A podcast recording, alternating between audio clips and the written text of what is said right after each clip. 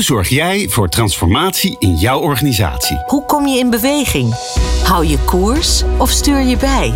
Duw je door of zet je een stap terug? Hoe houd je de bezieling, de energie? En wanneer is het tijd om te stoppen met veranderen?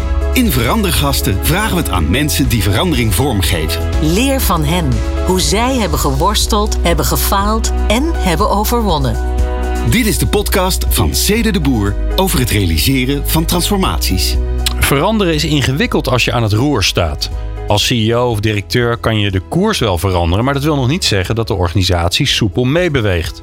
De dagelijkse praktijk, ingesleten gewoontes en heersende cultuur is taai. Hoe is dat als je nog wat verder afstaat van de dagelijkse werkelijkheid in een organisatie als commissaris of toezichthouder? Onze gast vervult die rol bij een aantal organisaties terwijl ze zelf jaren aan het roer stond bij onder meer een grote zorginstelling. Ik ben Glenn van den Burg en Greet Prins, bestuurder en lid van de Eerste Kamer, is mijn verandergast. Greet, wat leuk dat je er bent. Ik kan de hele lijst wel gaan opnoemen wat je allemaal doet, maar dan uh, is het gelijk einde podcast. en wat je, wat je hebt gedaan, want dat is ongelooflijk veel. Um, ja, dat krijg je als je wat ouder wordt. Ja, nee, ik begin daar ook last van te krijgen langzaamaan. Um, Uh, misschien wel even leuk om juist dat te pakken. Hè? Want je hebt jarenlang ben jij uh, directeur geweest van, uh, van Philadelphia. Ben je daar de baas geweest. Grote ja. zorginstelling voor verstandelijk gehandicapten. Hoe is het dan nu om wat verder af te staan? Om meer vanuit die toezichtrol uh, zaken op te pakken. En ja, toch een beetje dat, dat dagelijkse misschien een beetje kwijt te raken. Nou, ik ben het dagelijkse natuurlijk niet kwijtgeraakt. Want ik ben, nadat ik voorzitter was van Philadelphia Zorg, ben ik nu voorzitter van de KVK, de Kamer van Koophandel. Dus ik, ik heb nog steeds het mooie dat ik twee werelden mag doen. Aan de ene kant uh, zelf verantwoordelijk zijn voor een organisatie. En aan de andere kant een aantal toezichthoudende rollen. Dus commissarissen bij, uh, ja. bij CSU en bij CZ Zorgverzekeringen. Ja, en als je die twee maar moet vergelijken, wat vraagt het dan van jou? Als bestuurder ben je eindverantwoordelijk en geef je sturing. Geef je, zet je de koers neer, uh, grijp je in, doe je interventies. Als commissaris ben je, uh, sta je echt meer op afstand. Moet je vragen stellen? Moet je de anderen vertrouwen in wat ze doen en wat ze teruggeven? En is het zoals ik iemand het hoorde zeggen, is het eigenlijk je rol om die bestuurder steeds wat breder te laten kijken naar zijn uitdagingen. Zodat hij alleen maar meer ruimte heeft, maar ook meer invalshoeken om um, zijn eigen koers te bepalen. Ja. En als commissaris grijp je echt alleen in als het echt niet anders kan. En dat is dan eigenlijk de rol van werkgever. Um, en dan, dat is ook het enige. Ja. Dus je moet echt ook jezelf bewust zijn van ik zit nu op deze stoel. Of ik zit op de stoel van de commissaris. Ja. Maar het is heel waardevol om ze allebei te doen. Waardoor je als bestuurder begrip hebt voor de rol van de commissaris. En als commissaris dat je ook weet waar de gevoeligheden liggen van een bestuurder. En waarom kan je het allebei? Want het lijken twee best wel verschillende dingen. Bij de een reageer je op je omgeving en bij de ander ben je veel beschouwender. Ben je veel meer aan het begeleiden, aan het, ja, misschien ook wel een beetje sturen natuurlijk. Maar dan stuur je meer de directeur of de, de voorzitter van de raad van bestuur dan dat je de organisatie stuurt. Um, waarom ik het beide kan, dat weet ik niet. Ik heb het geleerd. Ik doe het al wel vanaf mijn veertigste. Ik heb wel een hele grote les gehad. Toen ik in een van mijn eerste commissarisrollen, ik was voorzitter van de raad van commissaris van een bank een lokale bank, dus de Rabobank. En daar was een nieuwe directeur. En ik heb altijd de neiging als ik problemen hoor of dilemma's, dan ga ik gelijk denken in oplossingen. Dus ik gaf hem ook, als hij met iets kwam, gaf ik hem oplossingen. Dus op een bepaald moment, en, maar ik merkte dat het eigenlijk niet lekker tussen ons liep. En toen zei hij, zullen we een keer gaan eten? Ik zei, dat is goed. Dus wij zijn uh, een hapje gaan eten. En hij zei dus dat hij het gevoel had dat hij geen mentale ruimte had uh, om zelf de koers te bepalen. En toen vertelde hij dat. En je ging op zijn stoel zitten. In zijn beleving wel. En toen hebben we de volgende afspraak gemaakt. En dat werkt fantastisch. Ik zeg, ik heb uh, echt de neiging om met je mee te gaan denken. Dus dan ga ik denken en dan kom ik met ideeën, suggesties. Ik zeg maar, als we het nou zodanig afspreken. Ik doe dat, want dat zit in mij. Maar jij mag er alles mee doen wat je wil. Je gooit het weg. Ik zal je er nooit naar vragen. Dus zie het alleen maar als een meedenken. Ik vraag je er niet naar wat je ermee hebt gedaan, um, zodat jij je vrij voelt. Toen we dat hadden afgesproken, toen werkte het als een tierenlier. Want toen was het echt een partnership. En soms zei hij later, joh, goed idee. Of je bracht me op een ander idee. Soms hoorde ik er niks meer van. Maar daardoor heb ik wel geleerd. Hij heeft me echt een hele belangrijke les geleerd. Van wanneer ben je bestuurder en wanneer ben je toezichthouder. Ja, ja. en het grappige is, je bent, wel, je bent wel jezelf gebleven. Het is niet zo dat je... Want dat, dat, dat, dat van nature ideeën hebben over hoe het anders zou kunnen. Dat is blijkbaar een kracht van je. Want dat gaat vanzelf dat ben je wel blijven doen. Dat vind ik wel slim van deze oplossing. Want anders moet je op je tong bijten en dan inderdaad zeggen. Wat had je zelf bedacht? Of zo. Ja, maar dan ga je, weet je, ik geloof er heel erg in. Iedere mens is zoals die is. En als je een vorm kan vinden in je werkleven, maar ook in je persoonlijk leven, waardoor je kan zijn wie je bent, dat je dan het meest gelukkig bent. Dat tegeltje kunnen we alvast even opschrijven. Die hebben we alvast. Ja, we hebben deze podcast redelijk makkelijk ingedeeld. Want het begint allemaal bij. Verandergasten beginnen met veranderen. Ja, nou, dus het mooie is dat we, we kunnen dat moment ook wel weer oppakken. Want dat is nog niet zo heel lang geleden. Dus je komt een nieuwe organisatie binnen. In welke rol je dan ook hebt. Nou, in dit geval eh, ben je eh, de voorzitter van de, van de Kamer van Koophandel. Hoe verken je dan wat er nodig is in die organisatie? Wat er anders, beter, mooier, slechter, waarmee gestopt moet worden? Luisteren, vragen stellen, stukken lezen. Maar niet alleen in de organisatie, maar juist ook altijd bij klanten. Oké, en, en neem mij eens mee. Want luisteren, dat is, een, dat is een prachtig werkwoord, maar dat kun je op 4 miljoen verschillende manieren doen. Hoe, hoe ziet luisteren bij jou eruit? wat ga je dan doen? Uh, vragen stellen. Ik lees stukken, ik uh, vraag wat iemand doet. En ik doe dat op alle niveaus. Hè? Ik denk dat dat misschien, als je het hebt over luisteren, ja, je kan op verschillende manieren luisteren. Ik kan alleen gaan praten met mijn medebestuursleden. Nee, ik probeer, in de, als het maar enigszins kan, ook juist te praten met de mensen die, zoals ik het noem, het echte werk doen dat ook altijd zo. Nou, ja, ja. ja. En, en, en hoe ziet dat, hoe, dat vind ik mooi. Hoe ziet dat er dan uit? Dus neem maar mee, een werkdag uh, uh, van jou en je gaat met de mensen praten, of met een aantal mensen praten die het echte werk doen. Ja. Wordt daar, wordt dan, gaat dan een secretaresse bellen en zeggen: Goh, uh, hallo Henk, um, ja, maandag zo en zo laat. Schikt het je dan dat je met de voorzitter spreekt en die valt van zijn stoel? Die denkt: Wat, gaat, wat overkomt mij nou? In, in het begin soms wel. Hè. Eh, ook, dat was ook wel bij, bij Philadelphia. Dat als ik dan zei, ik kom op locatie op bezoek. Dan was het, oh jee. Tegelijkertijd vinden eigenlijk iedereen vindt het hartstikke leuk. Uh, en dat geldt ook bij KVK. Dan inderdaad, mijn secretaresse belt, schikt het als ze dan en dan komt. En dan ga ik zitten. Niet, soms drink ik eerst even een kop koffie. Maar voor de rest laat maar zien wat je doet. Waar loop je tegenaan? Wat valt je op? heb je vragen aan mij? Uh, ik ben een paar weken geleden in Woerden geweest. Nou, dan heb ik eerst een ronde gedaan met te zien wat er op de diverse plekken gebeurt. En daarna hadden ze bedacht dat we met elkaar gingen lunchen. En dan daag ik iedereen uit om iets te zeggen waarvan ze vinden dat dat beter of anders kan. Of waar ze op ze heel trots zijn. Hè? Moeten ook niet vergeten, we zijn gelukkig allemaal over het algemeen ook heel trots op ons Mhm. werk. Ja. En daar leer je ook heel veel van. Ja, is dat een beetje het gevaar? Dat, we, dat je nogal de neiging kan hebben om op zoek te gaan naar wat beter kan, of wat niet goed is, of wat hè, waar, waar ruimte ligt. Terwijl je eigenlijk natuurlijk, ja, 80%, 90% vaak van de dingen gaat gewoon prima. Ja, ik denk dat het tweeledig is. Ik kijk altijd wel naar wat beter kan. Dat zit wel in mijn systeem. Tegelijkertijd denk ik dat we ook niet anders kunnen, want de samenleving, de wereld om ons heen verandert steeds. Dus in de intro werd ook ergens gezegd: wanneer stop veranderen? Nooit. Veranderen stopt nooit. Want stilstand is, daar ben ik wel van overtuigd, is achteruitgang. Dus je zult altijd moeten ontwikkelen. De uitdaging is om dat zodanig te doen dat het nog leuk is. En soms lukt dat niet. Maar als je dat voor elkaar krijgt, dat men plezier heeft in dat veranderen, ja, dan doe je het goed. Ja, daar gaan we zo even naar kijken. Maar wat ik, wat ik interessant vind is, jouw eerste stap is dus om te gaan luisteren van, goh, wat, wat, is dit voor organisatie? Wat gebeurt hier allemaal? Hoe zorg je ervoor dat je, dat je echte dingen te horen krijgt? Want ja, laten we wel zijn, je bent een hele leuke open vrouw, maar je bent ook de baas. Ja, En dat neemt met zich mee dat mensen wel drie keer nadenken voordat ze iets zeggen. ja Al is het maar onbewust. sommigen doen dat zeker. Ehm, ik denk dat het ervan uit dat dat wat belangrijk is, dat je laat zien dat je echt geïnteresseerd bent in de ander. Ja, geïnteresseerd zijn in de ander. Ja. Ja, ik kan niet anders. Eh, Geïnteresseerd zijn, luisteren van waarom zeg je dit? Wat zijn jouw redenen waarom jij dit belangrijk vindt? Hoe kijk je ernaar? Als men, ik denk dat dat voor ieder mens geldt, echt nieuwsgierig zijn naar de ander, echt aandacht geven aan de ander, eh, is volgens mij dan zal ik niet zeggen dat je alle deuren opent. Maar dan krijg je altijd meer te Hm. horen. Heeft dat er altijd ingezeten bij je? Of heb je dat geleerd een keer? Ehm, ik denk dat het een combi is. Ik denk dat het een combi is. Ik heb wel geleerd dat ook mensen ehm, of instituties waar je eh, soms moeite mee hebt, eh, als je dan echt gaat interesseren in de mens, dat er dan altijd meer kan.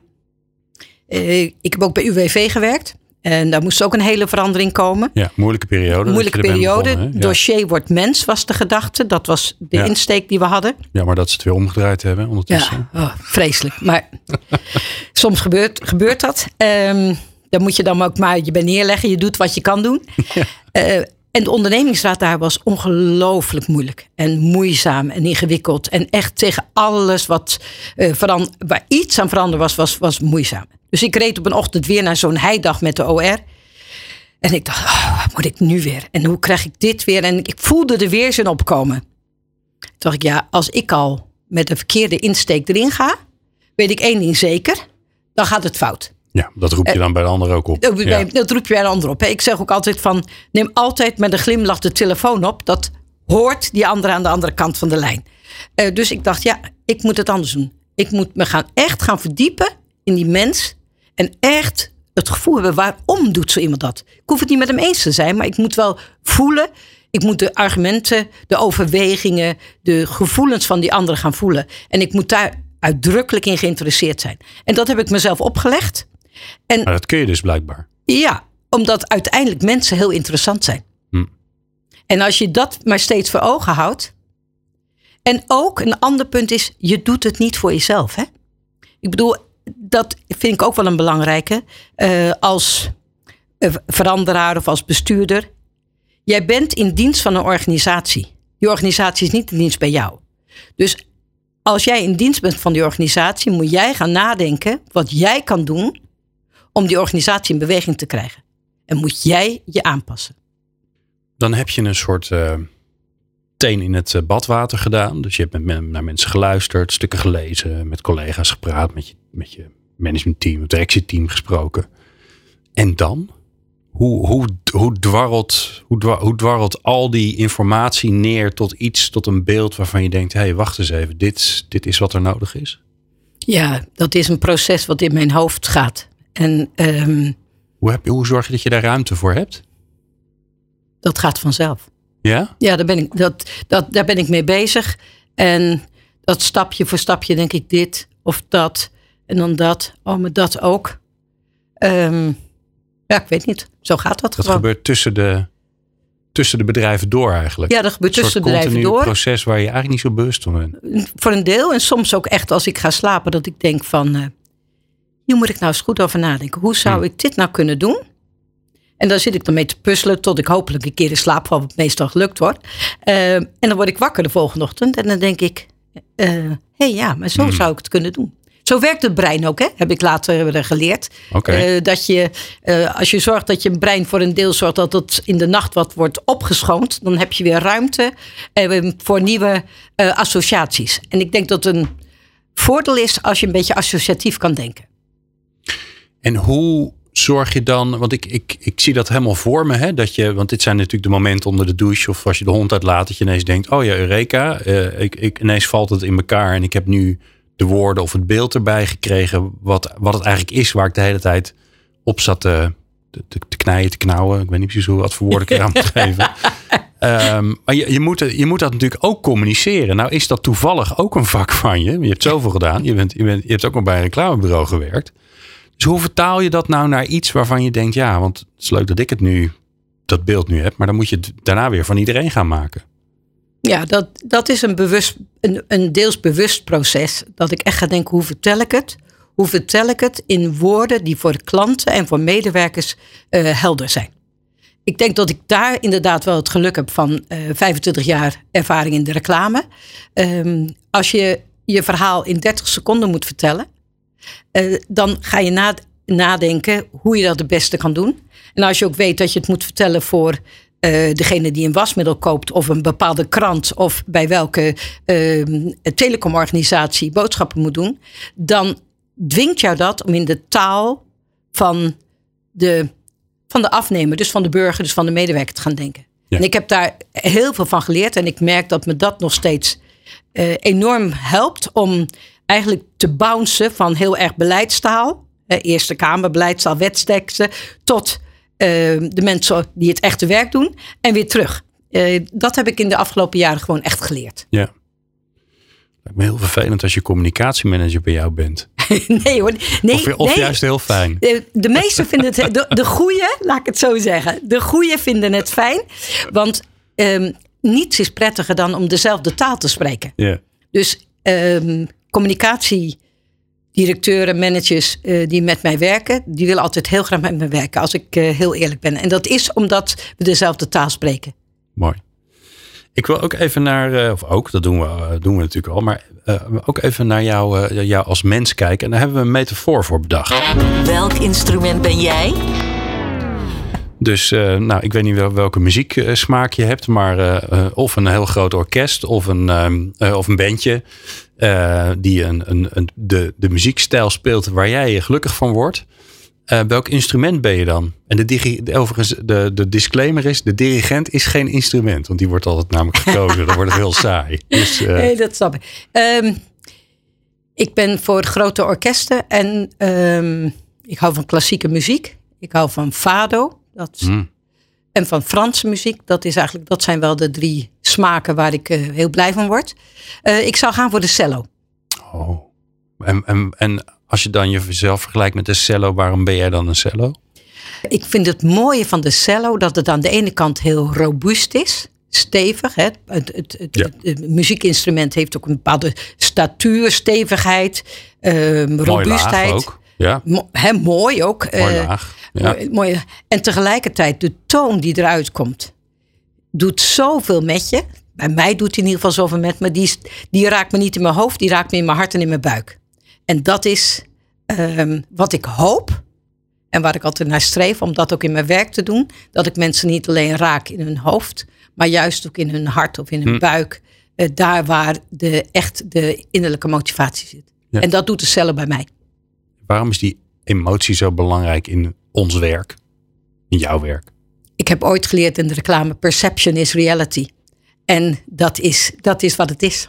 Ja, het gaat er eens op door. Perception is reality. Dus, dus hoe, we, hoe we de wereld zien is de realiteit. Maar iedereen ziet de wereld anders. Ja, en dus zul je moeten kijken hoe je vanuit al die verschillende beelden, als je leider bent van een bedrijf, hoe je daar weer een zo één beeld van kan maken, wat aansprekend is wat en wat helder is. Dus het mag ook best polariseren. Dus je kan nooit alle beelden bij elkaar vegen en, en tot één beeld. Je zult moeten luisteren, kijken wat past, wat, welk beeld, welke ambitie, welke visie helpt om het bedrijf waar jij voor werkt, om dat toekomstbestendig te maken. Want dat is voor mijn gevoel de taak van een bestuurder. Die het dagelijks werk moet je zorgen dat het gewoon loopt. De opdracht voor een bestuurder is hoe houd ik die organisatie toekomstbestendig? En op basis daarvan maak je een ambitie, een beeld. Liefst vertaal je dat beeld wat je in beleidstermen hebt gemaakt weer naar beelden in de, in de praktijk. Zo zouden we straks onze zorg moeten verlenen. Zo gaan we straks eh, de producten van KVK laten zien dat die meerwaarde hebben voor de samenleving, voor veilig en verantwoord zaken doen. Dus maak het concreet en dan polariseer je. Maar dat is goed, want daarmee weten mensen waar je aan toe zijn. Ja, ja. En kunnen ze ook kiezen. Oh, dat is mooi. Dus jij zoekt niet naar een soort consensus van iedereen is hier blij mee. Maar je zoekt naar, hè, dat klinkt, je, je weet dat er een polarisatie gaat komen. Ja. Op basis van de verandering die- je voor je ziet. En dan kunnen mensen een keus maken. Voel ik me hier thuis? Ben ik hier onderdeel van? Of ben ik dat niet? Ja. Ik geloof niet in dat je. Natuurlijk probeer je eh, common denominators, hè, dus gemeenschappelijke punten te vinden. Maar je krijgt het nooit volledig. En dat hoeft ook niet. Je moet helder en duidelijk zijn. En die helder en duidelijkheid betekent ook dat je op onderdelen. Ja, kiezen is ook wat verliezen. Ja, wordt dat dan, want je, je noemt het al heel mooi, hè? Je, het wordt heel concreet door de manier waarop je het communiceert. Maar er, het wordt ook beleidsmatig. Er moet ook een, zeg maar, een groot plan liggen. Ja. Heb ik dan, is, is dat dan ook wat er uiteindelijk komt? Komt er en een groot plan en er komt een implementatieplan en er komt een campagne? En is, dat is, is, dat, is dat hoe, de, hoe verandering er dan uitziet voor nou, jou? dat, nee, Aan het beginnen? Ja, in het begin heb je wel natuurlijk een plan nodig. Uh, dat heb je ook nodig voor de verantwoording. Weet je, uh, je hebt natuurlijk verantwoording af te leggen aan de ondernemingsraad, aan je raad van toezicht of nu aan uh, het ministerie van EZK. dus je hebt ook een plan nodig met een verantwoording. Maar vervolgens, daarmee krijg je de mensen niet in beweging. Dat is het kader. Dat is eigenlijk voor alle andere stakeholders. Is voor alle andere stakeholders. Ja. En daarna maak je, ga je dat vertalen naar hoe zie ik nou dat dat zou werken in de, over vijf of tien jaar um, in de praktijk. En dat beeld, en daarmee ga je de organisatie in. Oké, nou dat dan ga je de organisatie in. Dat is een mooi bruggetje voor. Verandergasten. Doorgaan met veranderen. Ja, want dan hebben we eigenlijk de conceptiefase gehad. Hè? Ja. Kind is geboren, hartstikke goed. Het is een prachtige baby. Uh, iedereen vindt het nog lief. Er zijn nog niet zoveel tegenstanders meestal in het begin. Oh, tot oh. het moment dat duidelijk wordt welke consequenties het heeft. Hoe ben jij in die, doorga die doorgaanfase? En want het begin is natuurlijk creatief en dingen bedenken en, uh, en goed luisteren en een beeld krijgen en uh, analyseren. Er gebeurt heel veel in je hoofd. En dan, ja, dan op een gegeven moment moet je gewoon gaan, gaan doen. Ja, dan ga ik kijken hoe, um, hoe bereik ik de medewerkers? Hoe bereik ik de klant? Hoe bereik ik de medewerkers? En daar, daar maken we dan wel een plan op. En dat is wel een plan waarbij ik uh, ook de mensen weer probeer te raken. Niet alleen in het hoofd, maar ook in het hart en in de buik. Dus uh, dat kan betekenen dat ik um, bijvoorbeeld met een, uh, een groep mensen, de, de theatermakers, dat we een theater maken over zoals wij denken dat het in de toekomst zou moeten zijn. Dus, uh, en dat werkt. Dan komen ineens theatermakers om de hoek. Ja. Waar komen die ineens vandaan? Ja, om, weer de, de emotie. Ja. Um, wow, wow. Als wij zeggen bijvoorbeeld uh, binnen de KVK hebben we nu gezegd we willen gaan werken volgens de werksprincipes van vrijheid, vertrouwen, verantwoordelijkheid en samenwerken. Oké dat die vier met elkaar zouden moeten leiden tot meer. Voor. Is iedereen tot meer werkplezier? Ja, maar daar is iedereen voor tot, totdat het duidelijk wordt. Wat, tot, wat, wat, dat betekent, het eigenlijk? Wat dat betekent. Ja. Hoe maak je dat nou duidelijk? Dat maak ik op papier niet duidelijk. Nee. Maar als je dan bijvoorbeeld met een paar mensen gaat praten die dat heel goed kunnen. En zeg joh, dit is wat wij zien. Het samenwerken gaat eigenlijk nog niet lekker. Um, verantwoordelijkheid, is, moet je wel eigenaarschap. En dat betekent ook dat je lef moet hebben. Samenwerken betekent ook dat je lef moet hebben tegen de ander iets te zeggen wat je eigenlijk moeilijk vindt om te zeggen. Ja. Um, hoe gaan we dat zichtbaar maken? En dan uh, maken zij een toneelstuk waarin de praktijk van elke dag.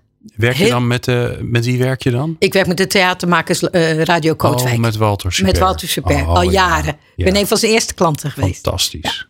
En uh, dat doen we steeds. Dat hebben we dus gedaan bij UWV. Uh, bij UWV hadden we. Oh, je neemt uh, Walter elke keer weer mee. Ja, ik, oh, omdat ik. Ja, als het werkt, werkt Als het. werkt. En wat ik het knap, ik daag hem wel uit natuurlijk. En hij mij ook. Maar we dagen elkaar uit om steeds weer een nieuwe vorm te bedenken.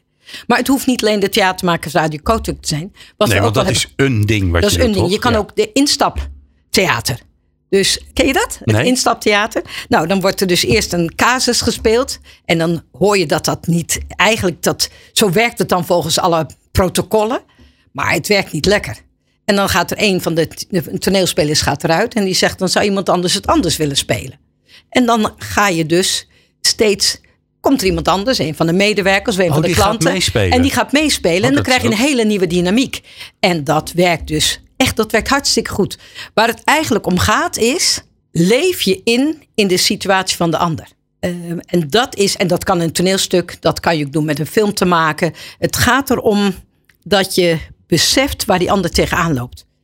Heel simpel, ik heb het ooit, uh, dit denken geleerd uh, in tijden van uh, dat ik nog werkte bij een reclamebureau. En er was altijd discussie tussen de creatieve mensen, de mensen die de ideeën bedenken, die de logo's bedenken en dergelijke. En de mensen die met de klant praten en die dus altijd het moeten verkopen en aan de klant moeten laten zien. Ja, de een, de een, voor de een kant niet gek genoeg zijn. Hè? En, en, voor, de ander moet je, en voor de ander moet het wel betaalbaar zijn. En moet het dus uh, passen bij de, bij de uitdagingen van de klanten, bij de briefing. En hoe ik erop kwam, weet ik nog niet. Om een paar minuten gezegd: Oké, we gaan de middag spelen. We hebben een opdracht. En de creatieven gaan naar de klant. En de accountmensen worden creatief. Was uiteindelijk een fantastisch greep. Dat was geweldig. Want toen merkte de ander ineens, merkte je van elkaar wat de echte uitdaging is. En dat zorgde voor meer begrip. Nou, en dat denken, Dat kan je dus in toneelstukken doen, dat kan je in een film doen. Maar het gaat erom. Zeer perspectief, hè? Ja, Ja. ja. En weer emotie. Zijn dat, is dat, zijn dat een beetje dan de rode draden van hoe, je, hoe jij geleerd hebt, erachter bent gekomen dat dat de dingen zijn die, die mensen in beweging krijgen? Want dat is natuurlijk vaak wat je hoort, hè, waar ook al heel veel boeken over zijn geschreven. Ja. Goed nadenken over veranderingen en, en, en structuur maken en plannen maken, dat lukt allemaal wel. En dan vervolgens sneuvelt het in de realiteit, omdat mensen gewoon blijven doen wat ze aan het doen waren. Of juist tegenovergestelde gaan doen wat je wil doen. Omdat ze gewoon het een stom idee vinden. Of er nooit bij betrokken zijn geweest. Of niet geraakt zijn. Of, nou, er zijn altijd heel veel redenen om, om het niet te doen. Ja, ik denk dat een paar dingen zijn. Allereerst uitdrukkelijk zichtbaar maken wat belangrijk is voor de klanten. En dat ook laten voelen. Want uiteindelijk, elke organisatie bestaat dankzij klanten. Ehm, ook een overheidsorganisatie. Als iedereen ontevreden is over de KVK, dan bestaat die straks niet meer. Nee. Dus je moet altijd kijken wat beweegt klanten. eh, en hoe vertaal ik dat naar mijn product, mijn dienst. Maar En ik hoor je ook zeggen, die klant, bijna eigenlijk moet iedereen voelen wat die klant wil. Ja, klopt. En meestal is het natuurlijk zo georganiseerd dat er een dun schilletje is in de organisatie. Die heeft contact met klanten. Hè, In jouw voor- voorbeeld van, de, van het reclamebureau, niet de creatieve, maar wel de, de Ja. account directors en dat soort Ja. mensen. Bij de KVK zijn het de mensen die achter de balie zitten of achter de telefoon of achter de chat. Maar de rest niet. Eh, dus moet je daar af en toe eh, stappen in zetten. En hoe doe je dat dan? Nou, soms door te wisselen. eh, mensen ehm, andere functies te laten vervullen. Ze een keer bij elkaar op bezoek te laten gaan. eh, inderdaad, zo'n toneelstuk waardoor men merkt. Want in zo'n toneelstuk worden al de werksituaties bekeken. En ook de onderlinge verhoudingen. Ja. Ja. en dan gaat men ja, kennis en begrip kweken. En nou zeg je dat alsof dat de normaalste zaak van de wereld is. Eh, maar ik kan me ook voorstellen dat mensen dat ook wel weer spannend vinden. Dus welke rol speel jij er dan in om te zorgen dat, dat het gebeurt? Mensen Eh. denken, ja leuk, ik ga inderdaad eens een keer een dagje achter die telefoon zitten. Ja, mensen vinden het niet altijd leuk hoor. Eh ijzeren, dan een beetje ijzeren heinig zijn. Oké, dus je bent en ook streng. Ja, het kan ook streng zijn. Ja, als we ergens voor hebben gekozen, dan gaan we er ook voor. Dan kun je best kijken, nadenken over de koers. Hè. Als je ziet dat iets niet werkt, moet je het ook een keer stoppen. Ja. Maar eerst voorlopig even doorgaan. Ik vond wel een heel mooi voorbeeld, hoorde ik net vanmorgen. Dat moet ik met je delen. Eh, binnen KVK werken mensen al, sommigen al meer dan 40 jaar. Eh, je hebt binnen KVK de back-office. En de mensen van de back-office die voelen zich altijd, hebben de neiging om zich een beetje Calimero te voelen. Ja, het heet ook al de back-office. Het heet Dat ook al de back-office. Het helpt niet. Het is nu ook een andere naam Re- gekregen, maar het heette de Ja. back-office. en wij hadden dus gezegd dat iedereen naar dat toneelstuk moest van werkplezier. De Kamers van Verlangen, zo heette het. Juist de back-office was het meest tegen. Maar we hebben gezegd, jammer dan, we gaan. Ja.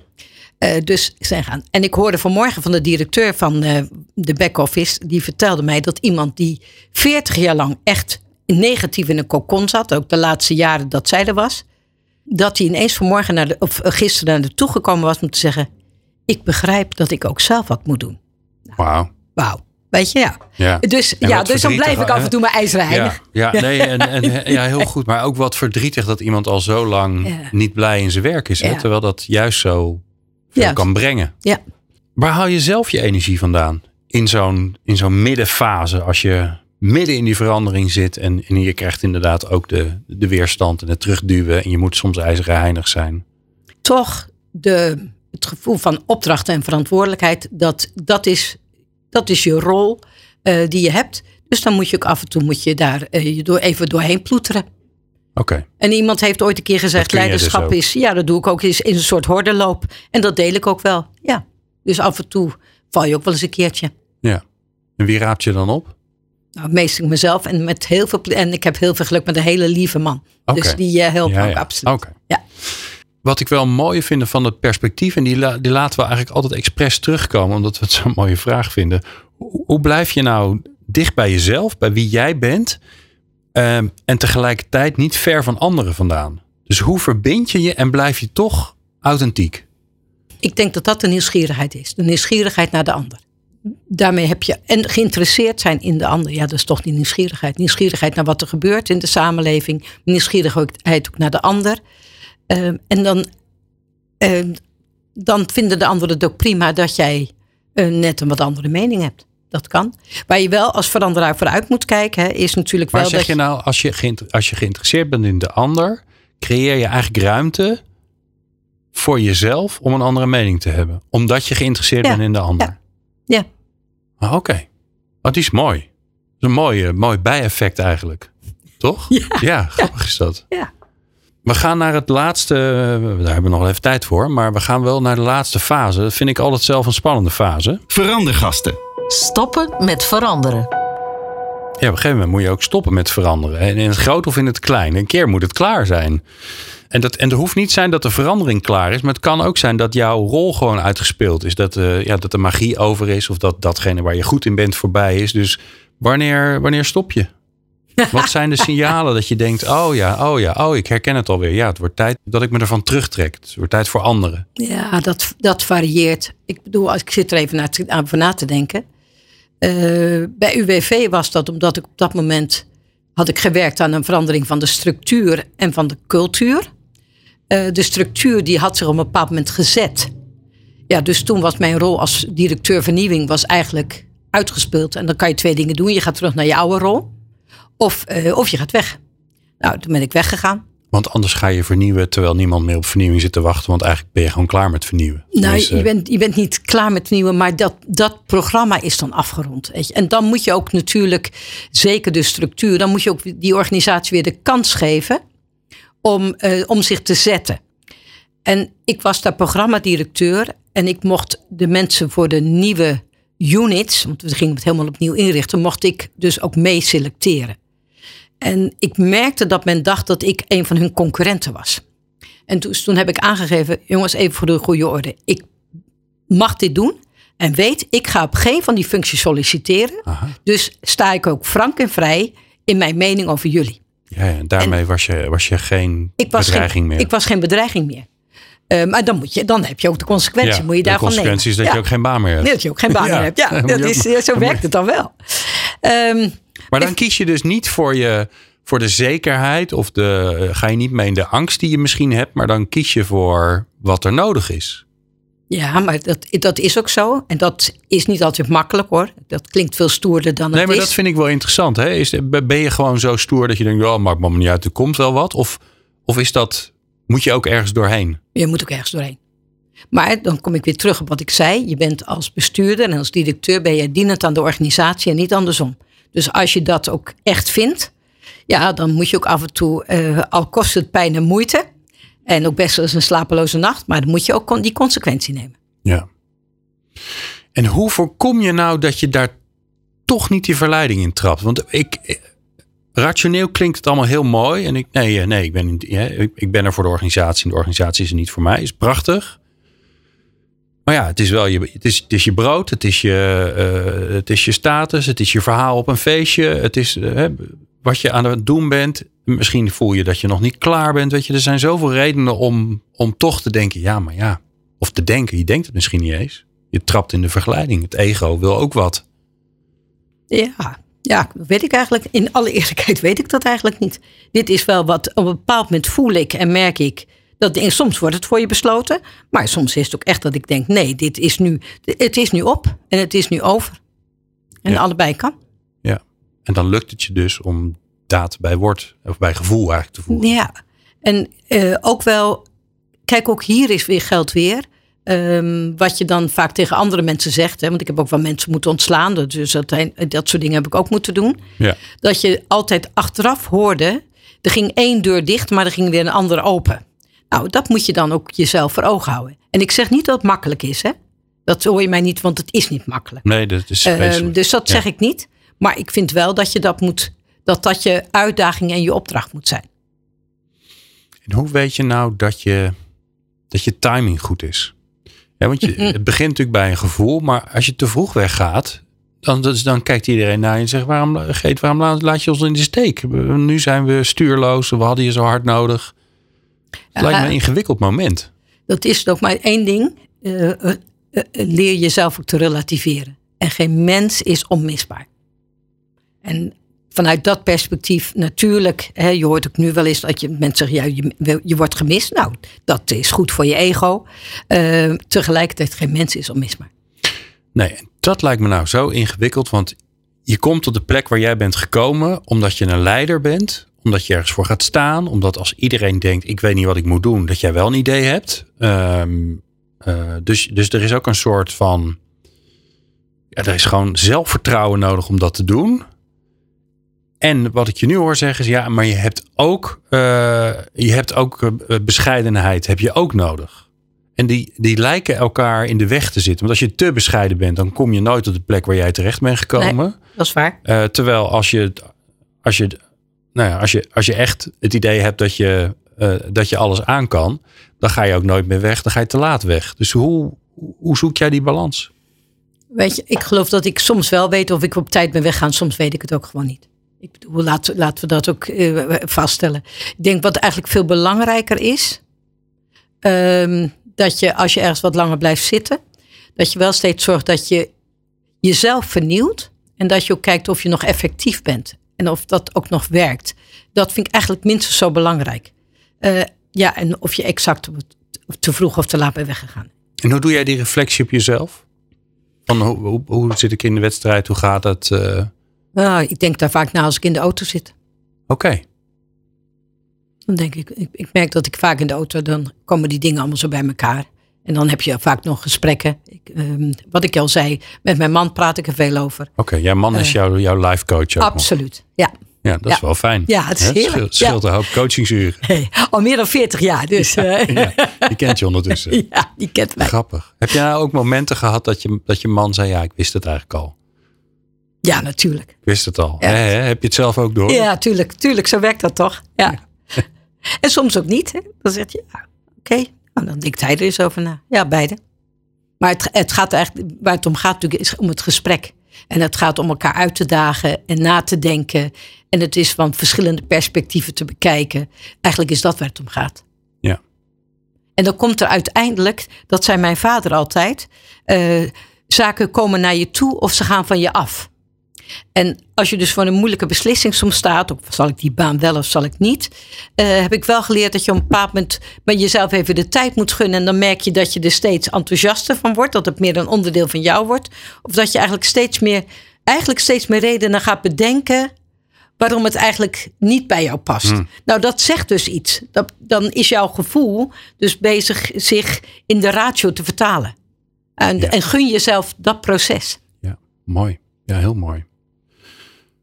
Hoe sluit jij een periode van, van zo'n grote verandering? Hè? En, dat, en dat kan, dat kan uh, zijn dat je wat anders gaat doen. Maar ik kan me heel goed voorstellen dat je bij, zeker bij Philadelphia, bij, uh, bij, de, bij de zorginstelling, daar heb je twaalf jaar gezeten. Dat er, dat er meerdere momenten van verandering zijn die je hebt afgesloten. Hoe rond je die af? Hoe, hoe, hoe doe je daar een strik omheen? Nou, dat is eigenlijk, eigenlijk voor mij wel de grootste uitdaging, moet ik eerlijk zeggen. Om te zorgen dat ik er een strik omheen doe. Oh ja? Uh, dus want dat komt omdat ik zelf alweer bezig ben met volgende dingen die alweer beter en anders kunnen. Dus ik moet mezelf dwingen um, om voor de medewerkers of de klanten of om wie het dan ook gaat, om even stil te staan bij het resultaat en dat te vieren. En dat heb ik, in de, heb ik wel geleerd, maar ik merk dat ik zelf eigenlijk alweer met de volgende dingen bezig ben. Want er gebeurt zoveel en er kan zoveel. Ja, en daar word je ook weer enthousiast van. En daar, krijg, ik weer, daar, daar krijg ik weer ja. energie van. Ja. Grappig, ja. Ja, ik heb, ik heb, we hebben ondertussen aardig wat van dit soort gesprekken gedaan, maar deze komt vaak terug. Dat, dat je dat inderdaad, dat bestuurders alweer bij de volgende uh, energieke verandering zijn. En inderdaad nog niet echt een manier gevonden hebben om, uh, om te vieren wat voor elkaar is gekomen. Is goed om af en toe, um, wat dat betreft zijn denk ik van de dergelijke jaargesprekken wel goed om even jezelf te dwingen, even terug te kijken. Van wat hebben we eigenlijk allemaal gedaan? En daar mogen we ook even trots op zijn. Ja. Vakantie is ook een mooi moment. Als je dan, ik, ik probeer ook vaak dingen te plannen. Uh, om mezelf ook in de vaart te houden. Dat ik denk, nou, voordat ik op zomervakantie ga, moet dat en dat moet toch wel gebeurd zijn. Maar dan heb je dus ook een reden als je op zomervakantie gaat, dat je kan zeggen, nou, dat hebben we in ieder geval gedaan. En dan is het ook even klaar. Ja, dan, dan gaat ook dan, echt even het licht uit. Oh, dat niet. Nee, nee, nee, nee, nee. Dat, werkt niet. Maar dan heb je wel even een momentje dat je denkt, oké, okay, ik, heb, ik, kan weer iets afsluiten. ik kan weer iets afsluiten. Ik heb weer een bepaald gevoel van, ja, voldaan gevoel. Ja. Uh, naar deze uh, podcast, deze aflevering, luisteren andere veranderaars, andere bestuurders of uh, mensen, leidinggevende, mensen die veranderingen in, in, gang willen zetten. Wat zou je ze mee willen geven uit jouw ervaring? Ehm, ja, allereerst blijf nieuwsgierig. Ehm, blijf luisteren naar je gevoel.